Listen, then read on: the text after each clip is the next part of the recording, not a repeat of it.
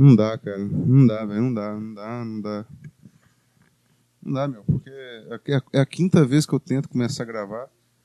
Eu, quando eu tô bem, eu tô com assunto, tô sóbrio. É o seguinte, eu comprei um, um microfone chinês de 40 reais. Mas eu fiz questão de não comprar no chinês. Eu comprei numa loja de brasileiro que vende coisas de chinês. E não tá, cara, não tá reconhecendo bem o adaptador P10, P2 aqui.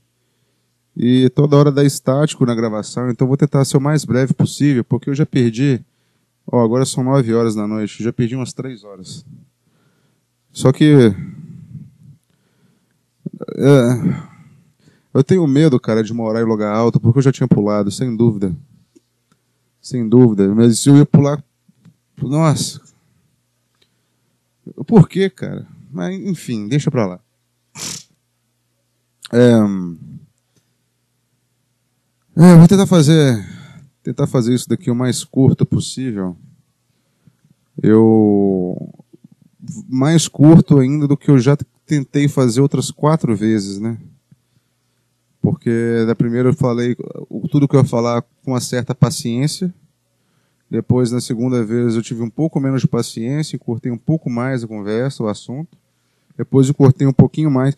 E o pior é que eu tenho que, ficar, eu tenho que conversar olhando para a tela aqui da, do gravador para ver se está dando as ondas sonoras, né? Para garantir, saber que não, não, caiu.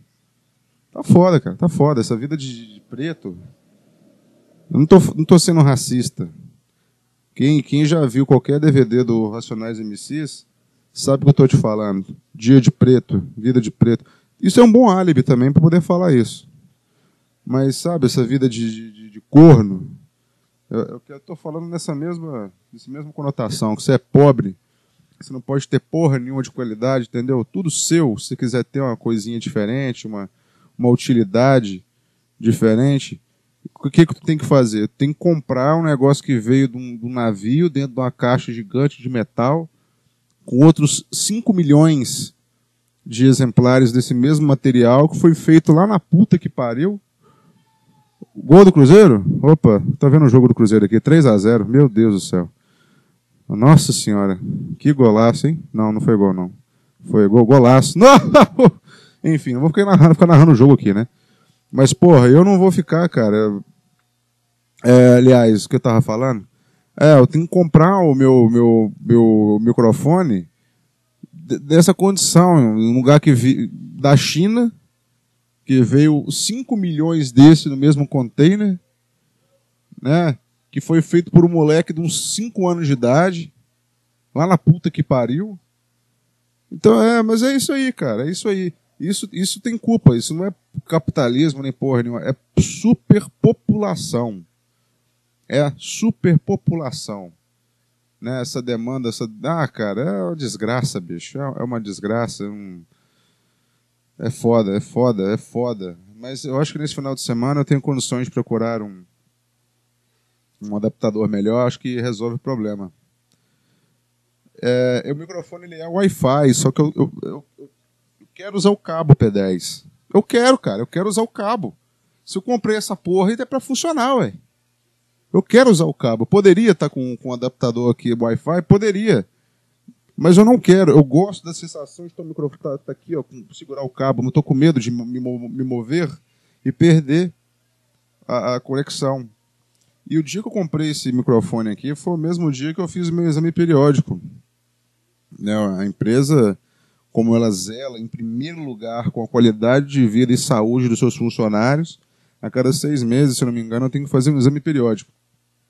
Para ver se está tudo bem, para eu né? Porque a preocupação principal da empresa é a minha condição de saúde, sem dúvida alguma. Eu não tenho a menor dúvida disso, cara. Não é que eles fazem um exame aí para poder cumprir tabela com exigência do governo e nem para ter uma garantiazinha também que eu tô eu tô rendendo bem.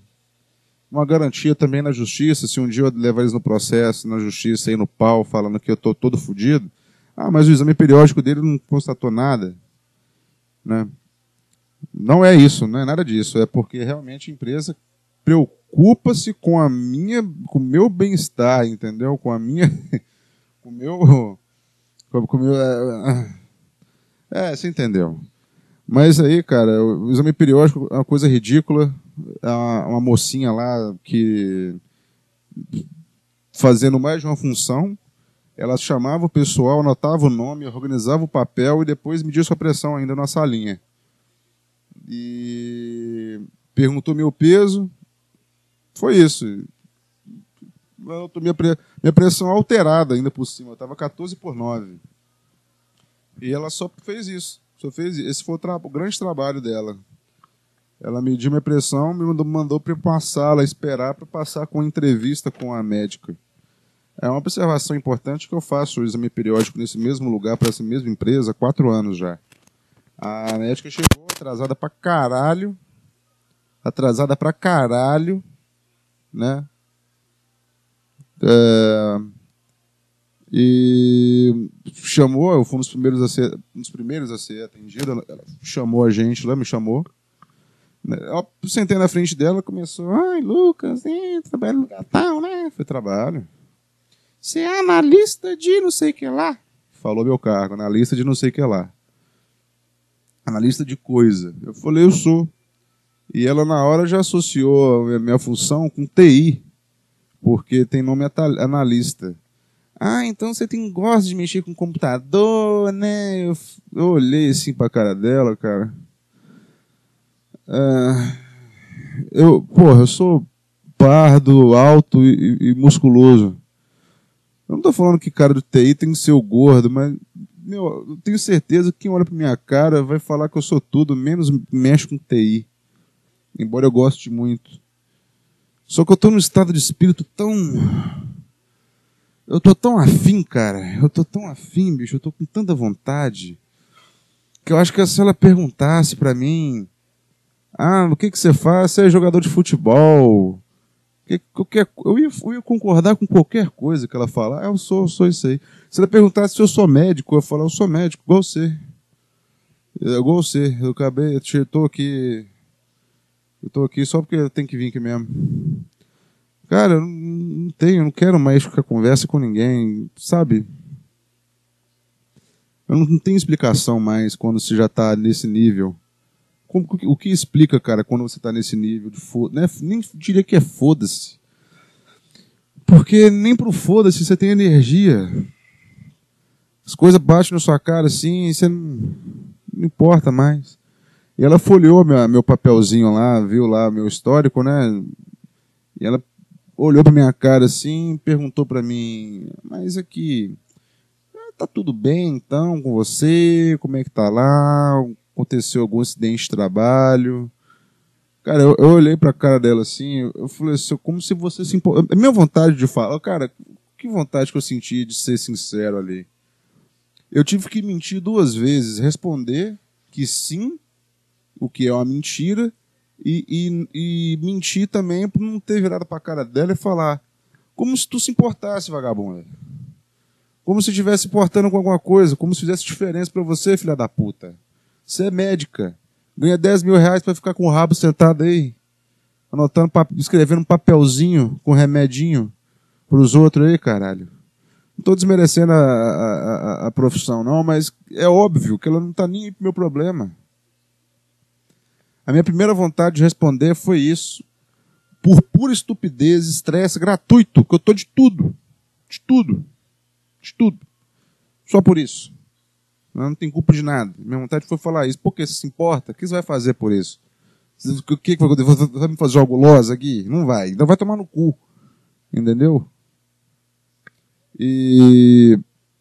Cara, eu olhei pra cara dela assim, ela, ela, ela, me fez essa pergunta, mas a cara que ela fez me fazendo essa pergunta, ela me perguntou, eu sabia, cara, a cara que ela fez é de quem já sabia a resposta.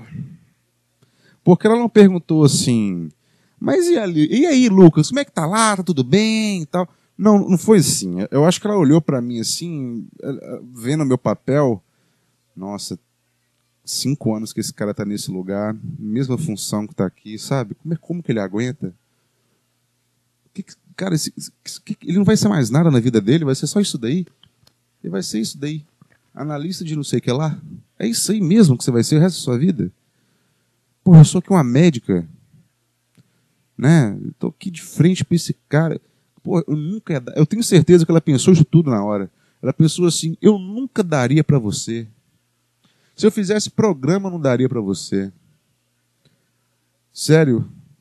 Eu odeio o meu trabalho porque eu tenho que ficar de frente com uns bosta igual um cara desse assim, ter que perguntar ainda se ele tá bem. Eu tenho certeza, cara, que foi isso. Ela olhou, ela perguntou assim, mas e aí? Tá tudo bem lá? Ela, ela sabia a resposta. Ela sabia que a resposta era não. E ela também, eu, eu, senti que ela sabia que eu ia já mentir, cara. Ela sabia que eu ia falar mentira, porque ela sabe o que ela ouviu o dia inteiro, todo mundo falando que tá bem.